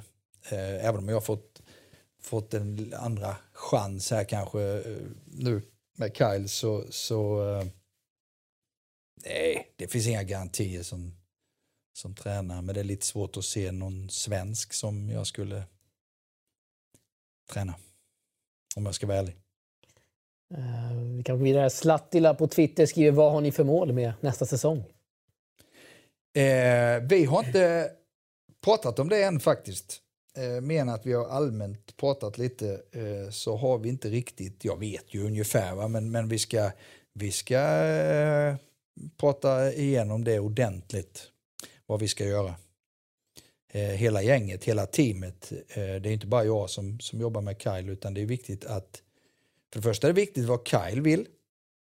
Det är det viktigaste. Och sen, eh, och sen måste vi kunna och veta hur vi ska kunna ta honom dit är hans mål. Men det är jätteviktigt vad han vill. Eh, så eh, det ska vi bestämma. Och sen jobba, försöker man jobba på det och sen får man, ut, går man tillbaka eh, och så utvärderar man om man har jobbat på det, om det har blivit bättre och om vi har nått målen. Om vi ska fortsätta träna med det. Alltså man, man går hela tiden, man sätter mål, man, man, man har en plan för att nå det målet, man går ut och jobbar och sen utvärderar man och så går man tillbaka. Måste så, man sätta upp Så mål? jobbar man. Eh, ja, fast man behöver ju inte berätta dem. Nej. Men jag tror det är otroligt viktigt eh, att ha mål. Eh, för jag måste ju veta, om Kyle säger så här, jag vill, jag, ja, men topp 5 eller topp 10 eller vad det är. Då måste jag veta vad han måste förbättra. Annars kan ju inte jag, det, det är ju mitt jobb. För grundförutsättningen tycker man ju borde vara att ja, han vill bli så bra han kan bli, det vill säga topp fem i det här exemplet. Han borde vilja vinna så många matcher som möjligt jo. att således nå det Absolut. målet. Alltså att mm. på något sätt ligger det naturligt att det vinna så många matcher som gäller jo. av varje tävling som är målsättning. absolut, eh, det, det är ju självklart mål. Men det är inte Men realistiskt? För att göra, nej, det är det ju inte. Nej. Det finns ingen som vinner alla matcher. Nej. Men vad är det, jag måste som tränare kunna se vad är det Kyle behöver för att slå Djokovic, Sverre, Federer, de här killarna på daglig bas. Vad är det, vad är det som fattar, varför, varför gör han inte det? Och så måste vi bestämma, vi kan inte börja jobba på tio grejer, men vi måste komma överens om några grejer som vi går ut med i vardagen. Därför att det handlar varje dag om att vilja bli bättre.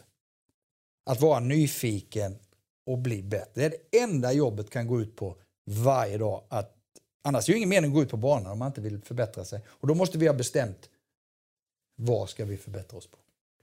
Och det behöver ju inte bara på banan. Det kan ju vara, kan ju vara, man kan ju börja med att vara i tid till spelarbilen. Liksom. Mm. Det kanske... Har det varit så illa? Va? Har det varit så illa? Oh, han ser, han ser fem gånger om dagen. Alltså. Han är nästan lika sen som Jonas Björkman var. Oj. Ja.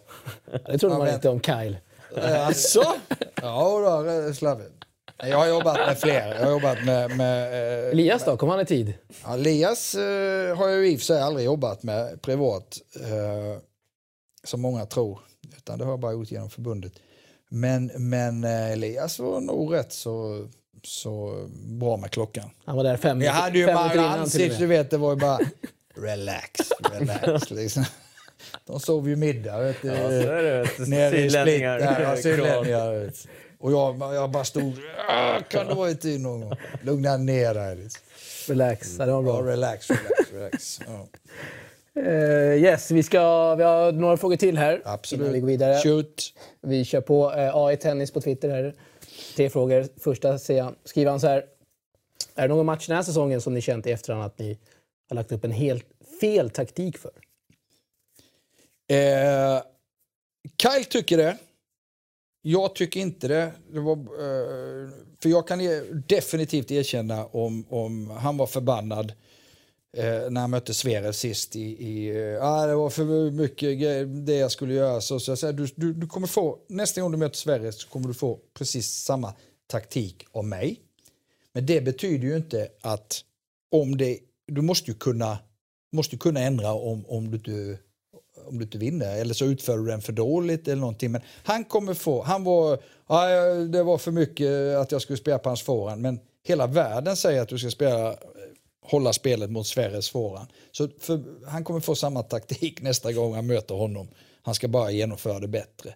Eh, men sen händer det säkert att, eh, att det har varit matcher som eh, han har, har fått eh, fel taktik. Absolut.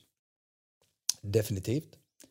Men hur mycket ansvar ligger på att spelaren själv ska Spelaren kunna, måste, själv måste kunna förstå ja, att jag måste ändra lite grejer här? får man diskutera. Jag har gjort bort mig flera gånger under min karriär givetvis på, på eh, alltså taktiskt. Eh, och sen är det, är det helt olika hur spelarna reagerar på det. Eh, jag kommer ihåg Majansi skulle möta Nalbandian i, i kvartsfinal i Rom en gång och jag sa till honom, stå inte och bolla med Nalbandian liksom, utan ta hörnet och så fram bara och så. Det, han blev manglad. Hade ju inte en chans. Och sen när han låg under 4-1 i, i andra set eh, så började han spela med, med Nalbandian. Det var jag som hade underskattat eh, Marios grustennis. Så då började han ju liksom börja hitta spelet och precis så han skulle spela och, och, och, och förlängde bollväxlingarna. Och de sista fyra gamen så vann nog Mario tre. Han låg kanske under 5-2 eller 5-1 eller något sånt där. Så blev det, blev det 6-4, så var det nog. Eh, Eh, och jag var ju förtvivlad, kommer jag ihåg det. Jag satt i, eh, omklädningsrummet och tänkte, han kommer ju, han kommer ju mangla mig när han kommer in. Liksom. Så jag, så jag liksom, förlåt mig, förlåt. Och han kom in med, med det här, vet du. Han hade fått stryk i kvartsfinal, kom in. Freddy, sa han, nu vet jag hur jag ska slå honom nästa gång. Och jag bara... Så det var rätt skönt liksom. Medan Kyle var riktigt sur. Men det var inte, det, vi är ju i och för sig två tränare så jag, jag tar på mig hälften. Men som sagt var, Kyle hade fått samma taktik nästa gång mot Sverige också. Så, men det där är ju, alltså tennis handlar ju om att göra justeringar. Och, och, och det är ju en bit av hur duktig man är. Eh, och det får ju, har man suttit och, och kommenterat tennis som jag gjort mycket och man får alla eh, fakta efter sätten och så, så är det rätt cool att se hur de bästa spelarna, om Nadal någon gång har fått stryk första set, 3-6, så ser man ju sen när han vinner andra inför tredje, hur posi oftast positionerna i banan, hur de har ändrat det. Och, och det är ju de bästa bäst på. Så är det bara. Så, så Kyle kanske hellre tog förlusten där då för att kunna komma ut och skylla på någon att, att uh, ah, det här var för dålig taktik. Liksom. Så, uh, ja. Intressanta svar där och skön story med eh, Ansic. Vilken skön story. Nästa fråga här. Eh, vilken typ av spelare är Edmunds mardrömsmotståndare?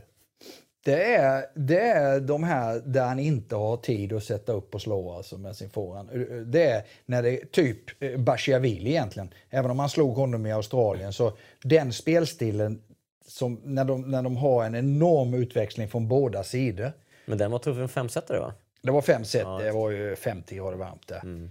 Eh, han fick ju stryk av honom i semi i Beijing. Eh, och den typen av tennis när det, är, när det går så fort så han inte, jag tycker inte Kyle hinner med då. Och då dikterar han inte, han slår inga vinnare, eh, för de slår vinnare eller missar innan Kyle hinner slå med sin forehand. Uh, där måste han bli mycket bättre och, och han måste lära sig att, att position i banan, han måste ändra position i banan mot de spelarna också. Så måste han lära sig en, en, en bättre eh, defensiv så att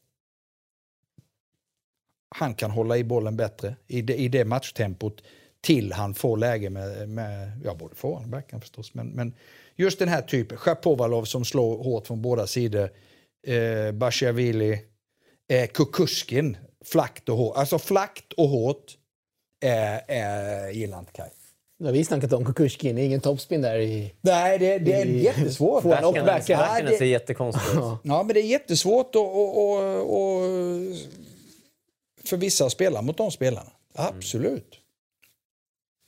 Ja, och Så det, det, och, och, och som sagt det här här måste bli bättre mot dem. För du kan inte, du ska inte ha stryk av de spelarna. Tycker inte jag.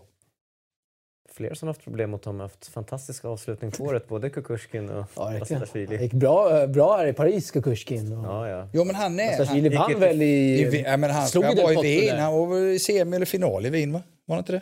Han var i Kukushkin. final. Ja, Han väl. ja eller semi. Men, men alltså han, han är bra. Jag har sett han spela mot, mot eh, Dimitrov flera gånger. Dimitrov har jättesvårt på honom. Mm. Så ja.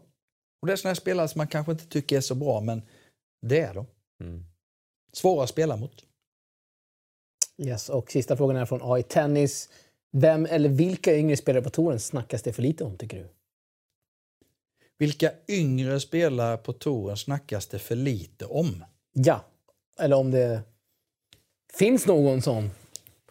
Nej, Som du kanske tycker- nu- Nej, det kan jag inte eh, säga. Den här... Det, det snackas ju rätt mycket om, om, eh, alltså, om de är unga och kommer upp. Eh, den här kanadensaren Felix eh, Auger, vad heter han? Al-Yassim. Tack. Han gillar du, Tack. vet vi. Nej men alltså det är ju, det är klart, det snackas ju definitivt inte för lite om honom utan det, det är klart att de, Tsitsipas 19-20 va, liksom det är klart att de, eh, det pratas om dem. Och, och det behövs, alltså det behövs yngre som eh, alltså slår igenom innan 20. Eh, tror jag är jättebra för, för tennisen. För vår sport eh, är det bra. Att det kommer en, en att eh, Bedasco, eh, Lopez, de här vinner tävlingar. Det kanske de inte gör fortfarande, men de, de, de är fortfarande tillräckligt bra för att tvåla till många yngre. Och, och det, ja, det kan ju diskuteras Mm. rätt mycket vad det står för. Om den yngre generationen är sämre eller de är så jäkla bra. Så eh, jag har väl min teori. Men... Inget du vill ta upp här? Nej men alltså jag, jo det kan jag göra. Utan jag, alla, alla liksom, eh, jag tycker de yngre har varit, eh, alltså Federer, de är ju enorma Federer och Nadal och, och Djokovic så här va. Men, men lite dåligt betyg är det mot, mot nä, nästa generation att de, de eh, många gånger blir helt eh, demolerade av dem. Tror de att de har kommit, eller vad ska man säga, de har gjort jobbet redan och att det ska vara mycket lättare Alltså, så här, Men de har inte gjort att jobbet, man, man, man underskattar egentligen hur, hur svårt det är att fortsätta ligga på toppen och spela bra. Att man kanske slappnar av för mycket eller att man tror att man är bättre än vad man är och så plötsligt kommer det här fallet för att man kanske slutar träna samma mängd som man gjorde innan eller Pratar du om de yngre nu eller pratar om de de, de yngre. yngre? Ja, men de Ja. tränar inte i närheten av vad de äldre... Ja, precis. Inte? Eh, Nej, nej, nej. nej. Alltså, de lä- lägger nog mer tid i gymmet och, och, och rullar på en cylinder och, och håller på lite eh, sådär. Eh, men de, de tränar ju inte motorn eller tennis. Eh, finns ju undantag såklart, team och, och några till, men alltså den nya generationen spelar inte så mycket tennis som den äldre generationen gjorde. Alla- Nadal, Nadal är ju naturligtvis extrem, men det är ju liksom... Alltså han, det är ju fortfarande dagen innan tävling nu i, i Paris kom uh, Moja fram till mig för då kan Kaj spela imorgon uh, uh, vid 11 till ett. Liksom två timmars pass. Och så har han eftermiddag också alltså. Det är, ju, det är ju ingen annan, och de yngre absolut inte. Det finns inte på kartan att de skulle spela så mycket. Det är lite alar- alarmerande att höra lite- ändå. Ja, men, men de försvinner ju. Så det är klart, har du 50 stycken yngre som alla bara tränar en timme och två timmar om dagen, eh, då, då blir det ju det som är normen. liksom. Men jag tänker om man får en fråga från till exempel Nadal, Djokovic, Federer. Vågar man tacka nej till det? För det är på något sätt de som... Alla de unga måste ju såklart ha haft de här eh, killarna som idoler med tanke på att de har spelat nu i 15 år.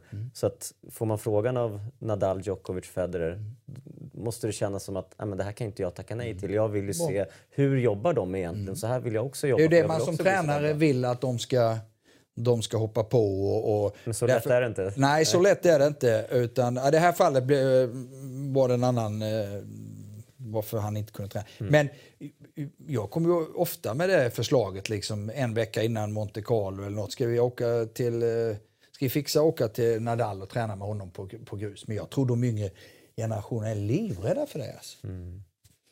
Att, för det kommer spegla, de kommer märka att de inte pallar det. För det är, det är inte många kvar där ute som, som, eh, som pallar det. Och där kanske Nadal själv nu, han kanske borde tagga ner lite för att klara en säsong.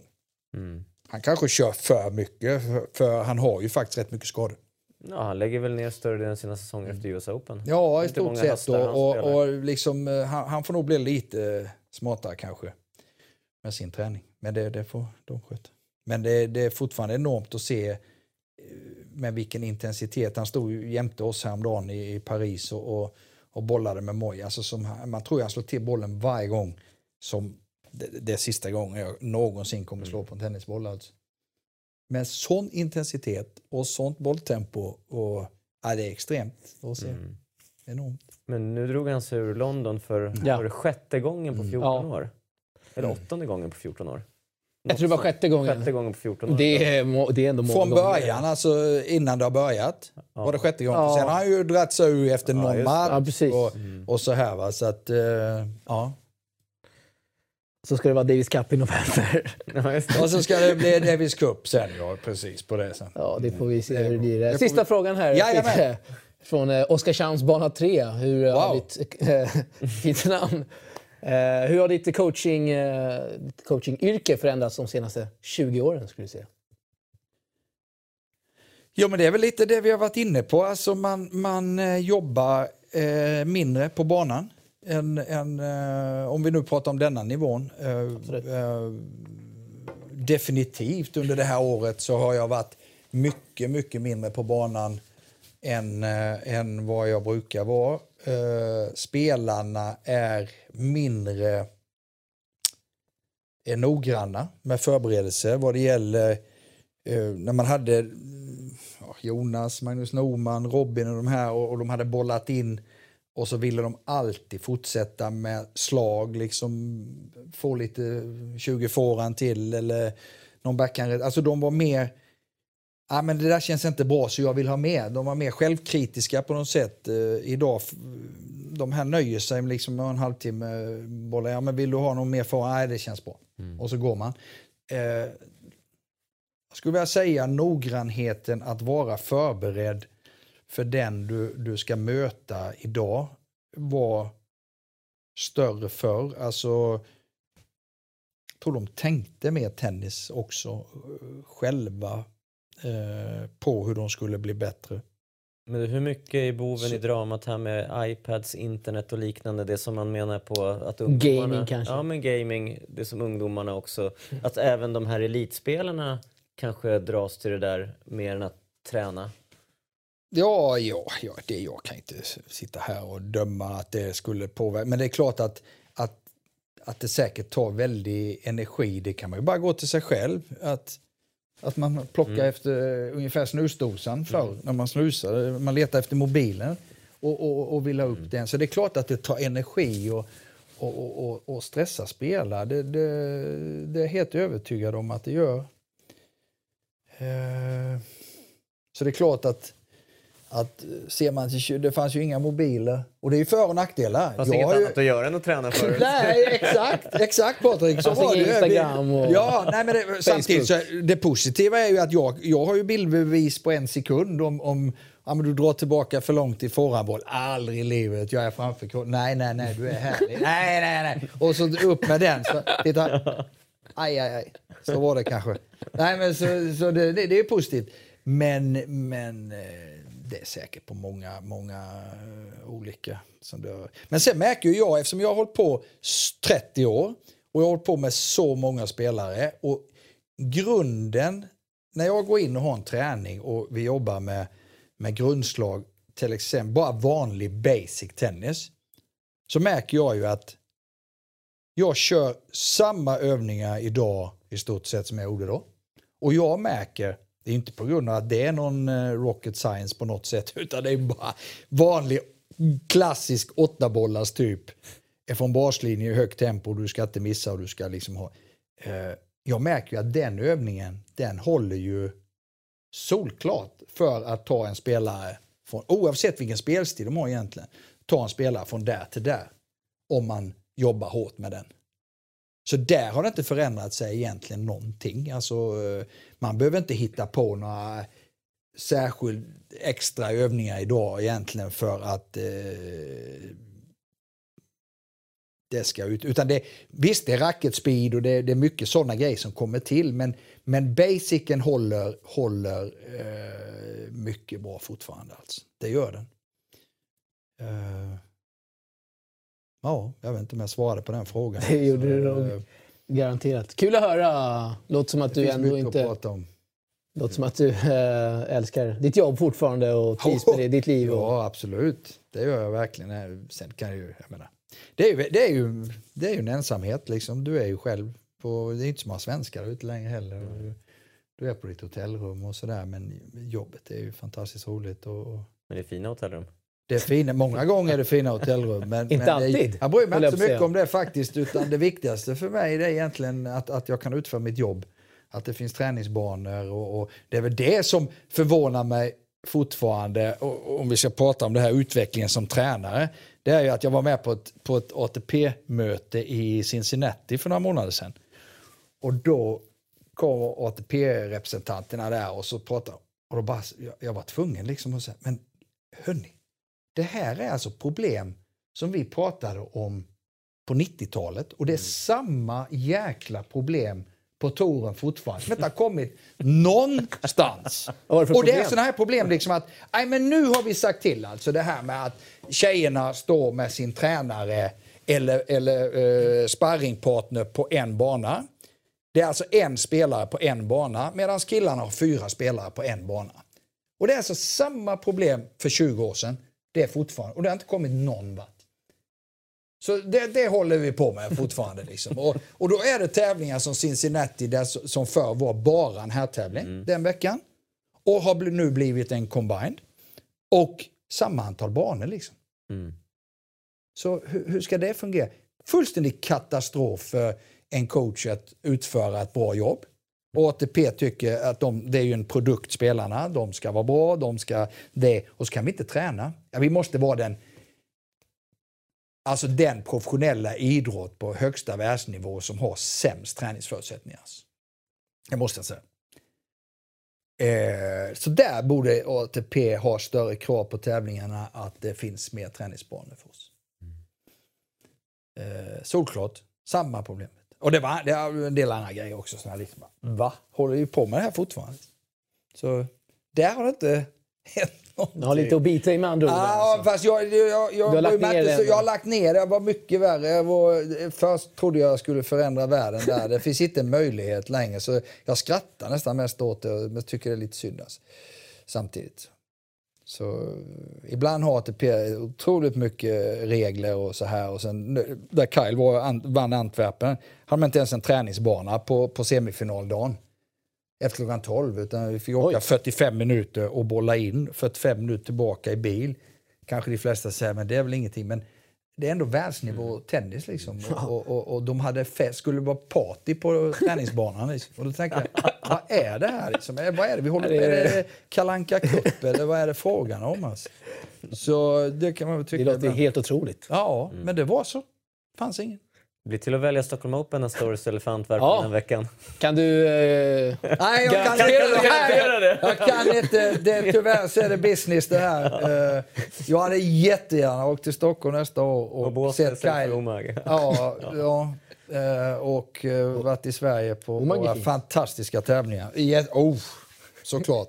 Men eh, det styrs ju av lite andra så är faktorer. det. Så är Den det. här branschen. Men eh, ja, jag får se. Såg du någonting från Stockholm? Eh, Du såg mycket kanske? Nej, jag såg inte mycket för jag var lite involverad i Antwerpen då.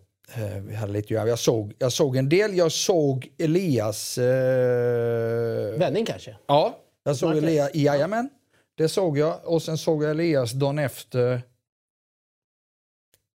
Men jag börjar bli så gammal nu så det är teflonhjärna. Så jag glömmer bort vem man mötte. Oskar Elias. ja, det Det spelar, har jag ja. glömt bort också. Ja. Ja, det Nej, men jag såg, jag såg, för det jag tycker som sagt var, jag följer med svenskarna. Och jag tycker det är roligt att se både mycket, nu så- såg jag inte mycket eh, den här gången, men, men eh, det brukar jag. Jack Sock. Ja, Där kom det. att man ens glömmer bort det. Ja. det vi är inne i programmet här. Ja, vi är inne i program- vi är fokuserade på det. Men vi kom på det i alla fall. Ja, det är bra jobbat. Eh, Tack Patrik, bra ja. jobbat där. Men jag såg hans vändning där mot Maltos. Så att, eh, ja, nej, men jag, det hoppas man ju givetvis att man jag vet inte hur många år jag håller på till, men, men det vore kul att få coacha på hemmaplan eh, med Kyle. Det måste jag säga. Eller någon annan, om det nu blir något mer. Vi välkomnar dig hem här till Sverige. Tack så hjärtligt. Öppna Kommer grymt Armar. hem. Ja. Härligt. Eh, Vi har vårt sista segment här i programmet. Känner du till den för, för första? Veckans mest obskyra. Veckans... Mest obskyra. Nej. Kommer här.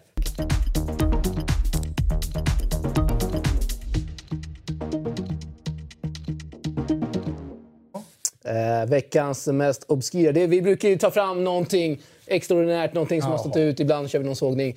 Och det här, eh, Benoit Pers, eh, li, lila frisyr där i Paris. Det, det blir veckans mest obskyra. Vad tycker du om det här Fidde? Ja, Jag stod och tittade på när han gjorde detta. Han borde Detta är helt- skägget också. Detta är helt otroligt att ni visar detta. Jag står nämligen inne hos Strängan i Paris och ska hämta Kyle scener. Och i rummet jämte så håller han på att spraya huvudet så här. Va? Och jag säger till honom, ursäkta att jag svär nu, jag säger till honom, vad fan gör du? Säger jag till honom. För han var, han var nämligen vit i, i somras va? Just det, just det. Ja, det var kritvit och nu det här, den här finns ju inte på kartan. Men det, så det här är typiskt en sån här spelare och så får han några gem va? Är det inte så i den här matchen? Jag såg hans match. Han hade, Liksom, hade lägg- 4-3 i första set, spelade ut Fuxovic och så går han runt och klagar och så blir det liksom torskar Nej, men de här och Det är spelarna- här du skulle ta dig an alltså. Nej, det vet jag inte. Eh, Ja, om du vill ha mig på, på, på hem eh, i mitten av nästa år så kanske. Nej, jo, lite så är det ju att som trä- tränare så tänker man ju alltid, man har kanske lite för höga tankar om sig själv. Ja, men jag skulle nog kunna fixa till honom. Men Du han har ju ett team som... Ja, men han är ju ruskigt bra tennisspelare. Ja, han är ju som det. de flesta är. Fruktansvärt bra. Ja, Oh, ja. Som de flesta är. Så Men de på tramsar och grejer. Precis. Precis. Men med Kyrgios, hur många bra tennisspelare finns det inte som underpresterar under sin karriär något så in i helsike? Och de, de har några år på sig där tåget går.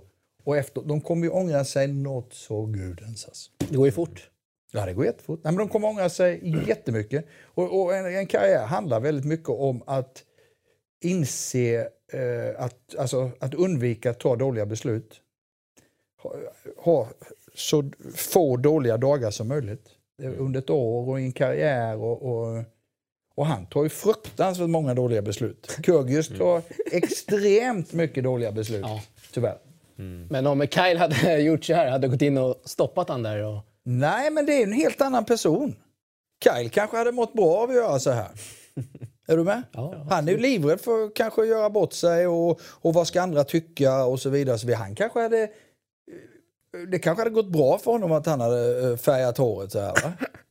Men den här killen behöver ju lägga fokus på sin tennis istället för att Makalös färga färg, ja. alltså. Så ja, den, är ju, den är ju rätt grym alltså. Och det, är inte, har inte, det har ingenting med halloween att göra överhuvudtaget. Nej. Nej, jag tror Ja, inte det. Han vill nog ens stå det. Du gillar inte den heller Patrik? Nej, jag tycker det är ett jättetramsigt. Alltså jag kan tycka att det är, visst, det är jättekul. eh, jättekul, ska jag inte överdriva, men visst, visst låt, han, låt han göra det. Men det, Det roliga var det, när man såg det tyckte det bara... Ja, när han hade färgat Jävlar. det vitt och sen kommer Gasquet två Ja. veckor senare och också färgat sitt vitt. Liksom. Vad är det som händer med fransmännen? Mm. Nej, men honom blir mer jävla tönt. Jävla tönt. Ja, jag var, ska jag våga inte färga mitt. Och, jag håller mitt isen här, du kan Ja, bara kö kötta på här. Vad sa du? Jag har bytt isen, så nu kan du Kötta på. svära. Nej, det ska vi inte göra. Nej. Vi har faktiskt inte, inga mer punkter här på programmet. Eh, du har klockan där, jag vet inte vad vi har tickat in på. Vi har tickat in på halv åtta. Och eh, vi måste ju dra rätt snart. Vi ska flyga. du ska- vi ska ut och flyga, flyga. igen. Vad härligt med en flygdag till. Men det går fort, eller? En kortflygning jämfört med dem du, du är van vid. Ja, det är det. Vilka flyger du med? Hem. Ja, Jag flyger med, vad heter de? Bra? bra. Mm. Heter de va? Ja, det låter Bra. ju Ja. fantastiskt. Från bra. Bromma? Jag flyger från Bromma. Propellerplan? propellerplan. Är det? Det går. Det funkar det upp i alla fall. Ner kommer man väl, Ja, brukar det jag säga. Ja, Nej, nej, det är rätt att... eh, sköna, sköna, det är skönt. Man hinner liksom knappt upp förrän man ska ner. Fantastiskt att... Fast jag har eh, inga problem med långflygningar heller. Jag tycker det är rätt skönt. Jag tycker också rätt uh, Ja. nice. Australien så har man... Absolut rogivande, inga Du har varit där. Ja. Ja, jag 24 timmar, Var ni sig med långflygning? Nej. sover och Skönt. egen tid. lurar, data, Ja. gaming. Egen tid. Egen tid. Den är bra. Alltså. Ja, för mig är egen, det egen tid. tid. Kvalitetstid. Ja, så är det. Men kör du böcker då och plöjer igenom? Och Jag läser kör och väl det mesta. Böcker, filmer. Och... Mm. Filmer eh, jobbar man lite ibland. Så här. Och... Men tiden, som du säger, det, det är rätt så avslappnande och skönt. Alltså. Tycker jag. Jag, jag flyger nästan hellre långa resor, alltså 10 timmar, 11 timmar så här, än, än de här två, tre. Många gånger. Man går ner. Mm. Och idag har du en halvtimme eller något, 40 minuter kanske. Ja, den är, den är okej. Skönt för att sova i sin säng. Härligt. Eh, Fantastiskt kul för att du kunde komma Tack hit så till hjärtligt studion, eh, pojkar. Fidde. Absolut. Tack för att jag fick komma. Att uh, ni bjöd upp Det är inte mig. vårt. Och hoppas Mycket, eh, mycket kul. det var roligt vara här och snacka tennis med oss. Ja, det kan man göra hur länge som helst. Följer du och kollar våra avsnitt eller lyssnar? Jag har kollat en del, ja. Det har du gjort. Eh, några gånger. Jag har nog inte sett, ska jag vara riktigt ärlig, så har jag nog inte sett något helt. Men jag har varit inne eh, framförallt när, när Mango var Just det. rolig att lyssna på. Christer Hult var... Han hade vi en annan studio. Va? Var det en annan En annan studio? studio. Men han har, han har vi haft. Ja, och sen, jo, men jag har inte lyssnat på fler. Jag har lyssnat på fler. Eh, har jag gjort. Vem tycker vi borde ta in här? Eh, Vi har en ganska tung gäst här nästa avsnitt. Okej. Uh, kanske inte ska avslöja det nu, men vem tycker du vi, vi ska ta in här då? Om vi får... eh, Nej men alltså Leka det, med- det beror ju på vad ni, vad ni vill ha för, för eh, liksom vad det är för mål med det på något sätt. Men man, alltså, det är ju rätt kul att, att ta in där det kan bli en, en, en lite het diskussion. Liksom. Mm. Man tar in lite klubbledare mot förbund eller man tar in... Eh, ja, alltså så det hetta till lite i hetta till lite där det är lite olika, där man har lite olika åsikter. Det tycker jag är roligt. Man, Den faktiskt, skriver vi ner här. nej, men man och, eh, behöver faktiskt inte ha samma, samma Nej. åsikt utan det är lite roligt när det, när det smäller till lite.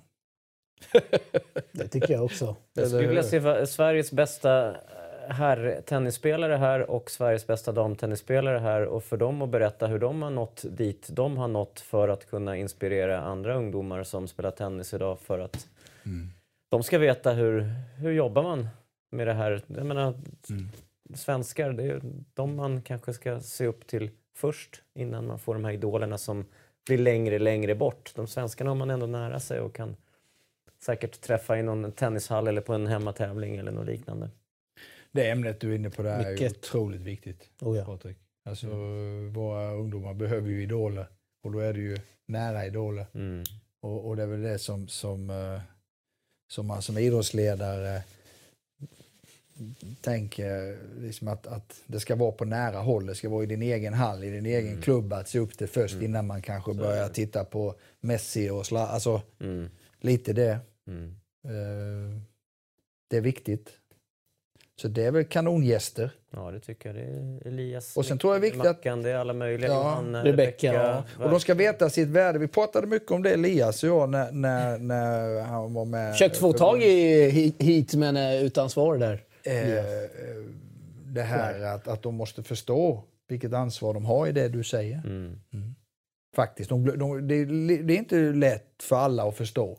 Ja, visst är jag bäst, bäst i Sverige, ja. Oj, då kanske folk tittar på mig eller vill prata med mig eller vill ta en selfie med det, det, är inte så, det är inte så lätt att förstå kanske för alla. Tryckte du på det när du hade Elias, att han skulle göra media och hela den biten? Och Nej, det, behö, och- det behövde jag inte. jag tänker generellt sett. Ja. eh, så är det rätt viktigt att de förstår ansvaret och föra alltså, svensk tennis tradition. Vi, vi har ju så otroligt, om vi tittar tillbaka till, i, i historien, hur många duktiga tennisspelare vi har haft. Och, och, och, och inte bara duktiga tennisspelare utan fantastiska ambassadörer för tennis och för svensk tennis. Och, och det är ju det du säger där, att, att nu då Elias och Rebecca, att de förstår att de är ambassadörer för svensk tennis. Och de har ju alla sin historia att berätta också som gör att Mm. Ja, ja. når man ut till en bred massa liksom, där ens egen historia kanske passar dem medan dens historia passar dem. Och Mm. så tycker jag vore kanon. Det skriver vi ner och antecknar. Här, eh, tack också till Patrik Ragen för att du ställde upp här i programmet. Tack. Och eh, ja, du är alltid välkommen tillbaka. Tack. Eh, Fidde, stort lycka till med eh, Kyle och nästa år. Och, Tack så hjärtligt. Tack så hjärtligt. och eh, vi finns på sociala medier. Vi heter Source. Eh, finns på Instagram, Twitter, Facebook, hela det köret. Och vi är tillbaka om två veckor. Ha det så bra!